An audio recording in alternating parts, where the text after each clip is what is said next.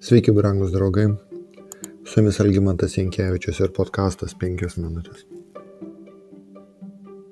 Palaiminimas tikintiesiems, kurie seka viešpačiu, nepašalina galimybės jiems patirti gyvenime sunkumus.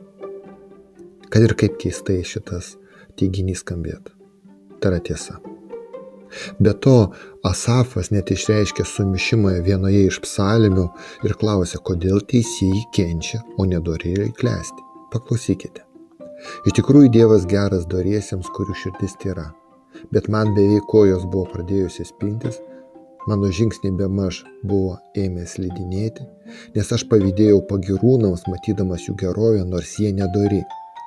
Skausmo kentėti nedorėliams nereikia, jų kūnas stiprus ir sveikas. 700 psalmė nuo pirmos iki ketvirtos eilutės.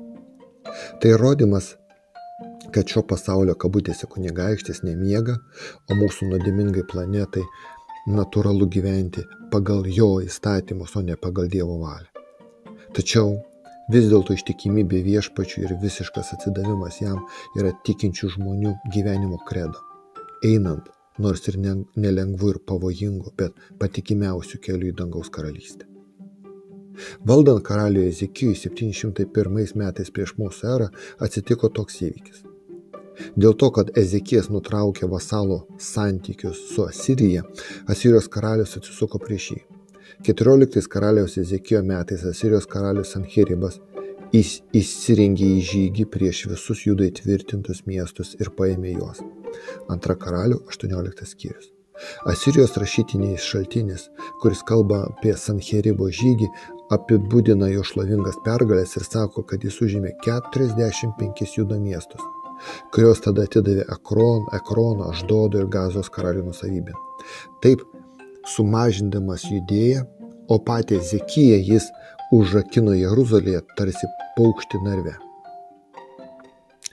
Matydamas, kad Sacheribas vieno po kito užgrobė miestus ir jų gyventojai buvo iškeldinti į tolimas Asirijos dalis, Ezekijus išsiuntė kabutėse atgailos pasiuntinius į Lachišą. Lachišas jau buvo užimtas Asirų, kur buvo Sanheribo laikina būstinė. Aš nusikaltau, palik mane, kokią tik man duoklę uždėsi, aš nešiu. Asirijos karalius pareikalavo iš judo karaliaus Ezekijo 3000 talentų sidabro ir 30 talentų aukso. Ezekijas atidavė visą sidabrą, kuris buvo viešpatės namuose ir karaliaus namų lobynuose. Skaitydami Sanheribo metraščius matome, kad jis iš Ezekijo gavo dar daugiau nei norėjo. Nepaisant tos doklės, Sanheribas buvo įpratęs spręsti klausimus iš jėgos pusės ir neatsitraukė iš judėjos, bet priešingai netgi priartėjo prie Jeruzalės sienų. Per savo aukšto rango tarnus jis pradėjo vykdyti dabar pavadintume informacinį karą. Spaudimą Ezekijui ir Jeruzalės žmonėms. Prašom pasakyti Ezekijui, taip kalbėjo didysis karalius Asirijos karalius. Ko tu pasitikė, kad jautiesi toks tikras? Nejau manai, kad tušti žodžiai gali stoti karybą ir jėgą kare?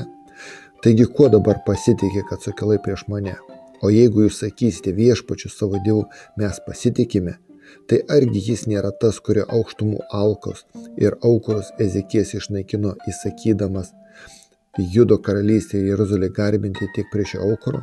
Be to, argi aš be viešpatės atėjau į šią, į, šią, į šią vietą jos nusiaupti?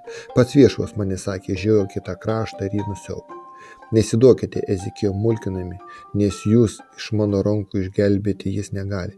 Neleiskite Ezekijui, kad jūs suvedžiotų pasitikėti viešpačiu, sakydamas, viešpas tikrai išgelbės mus. Taip kalbėjo Sirijos karalius. Susitaikykite su manimi ir pasiduokite.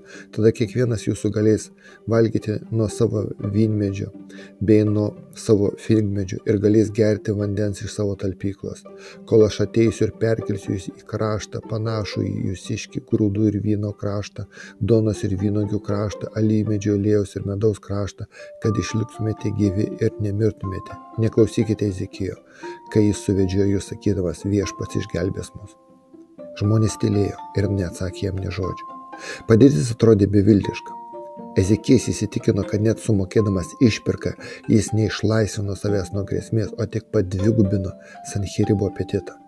Tada Zekijas eina į šventyklą ir viską maldoje sako viešpačiui. Pranašas Izaijas sustiprina Ezekijo pasitikėjimą viešpačiu ir sako, į šį miestą jis neįsiverš, nei vienos strėlės jį nepaleis, nei deg, dengdamasis skydų jo nepuls, nei apgulos pylimo aplink jį nesupils. Keliu, kurie atėjo išsineždins, neįsiveržęs į šį miestą. Tai viešpatė žodės, mat aš apginsiu šį miestą dėl savęs ir dėl savo tarno Dovido. Ta pačią naktį viešpatės angelas atėjęs į Esirų stovyklą užmušė 185 tūkstančius vyrų. Iš aušus rytui visur galėjo lavonai. Brangus draugai, viešpats išgelbėjo Ezekiją Jeruzalės gyventojus nuo Sirijos karalius Sanheribo. Tada daugelis atnešė dovanų viešpačiai Jeruzalė ir brangių daiktų judo karaliai. Po to, po to jis buvo išaukštintas visų tautų akise. Su jumis buvo penkias minutės ir Algimantas Jankevičius.